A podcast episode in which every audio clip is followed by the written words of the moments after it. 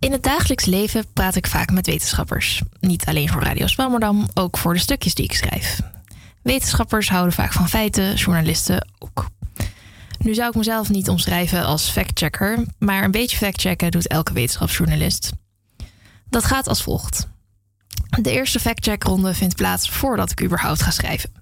Ik kom met een leuk idee, we vergaderen of mailen over dat idee en dan wordt zo'n idee meestal afgeschoten. Dat klinkt nu een beetje treurig, maar maak je geen zorgen. Tijdens een vergadering een tijdje terug kwam de hoofdredacteur van HVA, het medium van de Hogeschool van Amsterdam, waar ik als leerlingredacteur voor werk, op me af om zich te verontschuldigen voor het afwijzen van sommige van mijn plannen. Dat was niet nodig. Ik vind het superleuk om ideeën te bedenken. Die zijn heus niet allemaal even geschikt. Maar goed.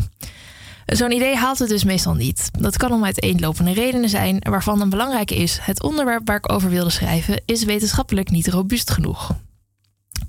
Meest gehoorde gespreksonderwerpen tijdens de redactievergadering van New Scientist in mijn stageperiode. We vertrouwen de statistiek van het onderzoek niet. Het is nog niet gepeer-reviewed. We vinden de methodologie wankel. Voor sommige media is dat een reden om juist over zo'n onderzoek te schrijven, maar zoals gezegd zie ik mezelf niet echt als factchecker. Dat laat ik aan anderen. Haalt een idee het wel, dan komt het volgende onderdeel: hoor en wederhoor. Ik ga aan de slag met een stukje over bijvoorbeeld een onderzoek naar hoe goed cafeïne is voor ons immuunsysteem. Het liefst spreekt een journalist dan zowel de oorspronkelijke onderzoeker als een wetenschapper die in hetzelfde vakgebied werkt, maar niet aan het onderzoek heeft meegewerkt. De eerste kan het onderzoek toelichten, de tweede kan met een deskundige blik vertellen of het onderzoek ergens op slaat en waarom dan. Een soort externe factcheck dus. Maar meestal doe ik aan factchecken op een andere manier. Ik stel vragen aan iemand, meestal een wetenschapper. Dat werk ik uit als interview of ik gebruik citaten.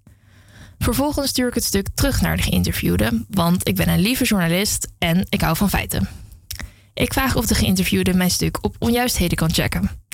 Zo schreef ik eens dat moderne mensen pas 40.000 jaar later in een bepaald gebied kwamen dan Neandertalers. Dat moest 10.000 zijn.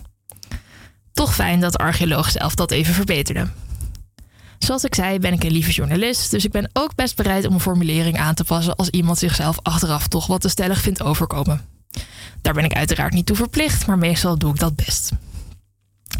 Ik hou van wetenschap en ik vind het enorm voorrecht om met zoveel interessante mensen te praten.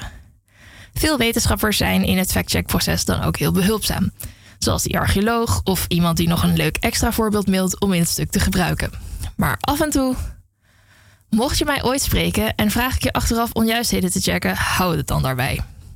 Heb je nog een leuke metafoor die je was vergeten te melden? Prima, mag je mailen. Als ik hem ook leuk vind, is dat zeker welkom. Maar alsjeblieft, lieve wetenschappers, blijf van mijn taalgebruik af. Ik erken de expertise van wetenschappers volledig.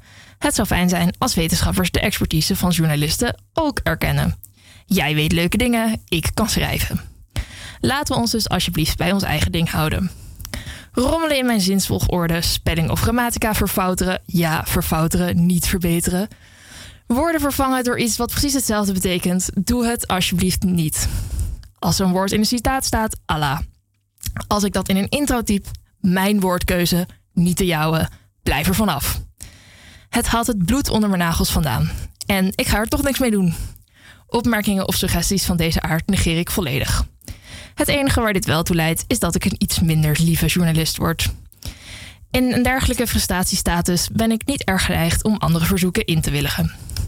Dit is dus een tip voor alle wetenschappers die ooit een journalist spreken. Hou het bij factchecken of waar de journalist dan ook om vraagt. Schrijven kunnen we echt zelf wel.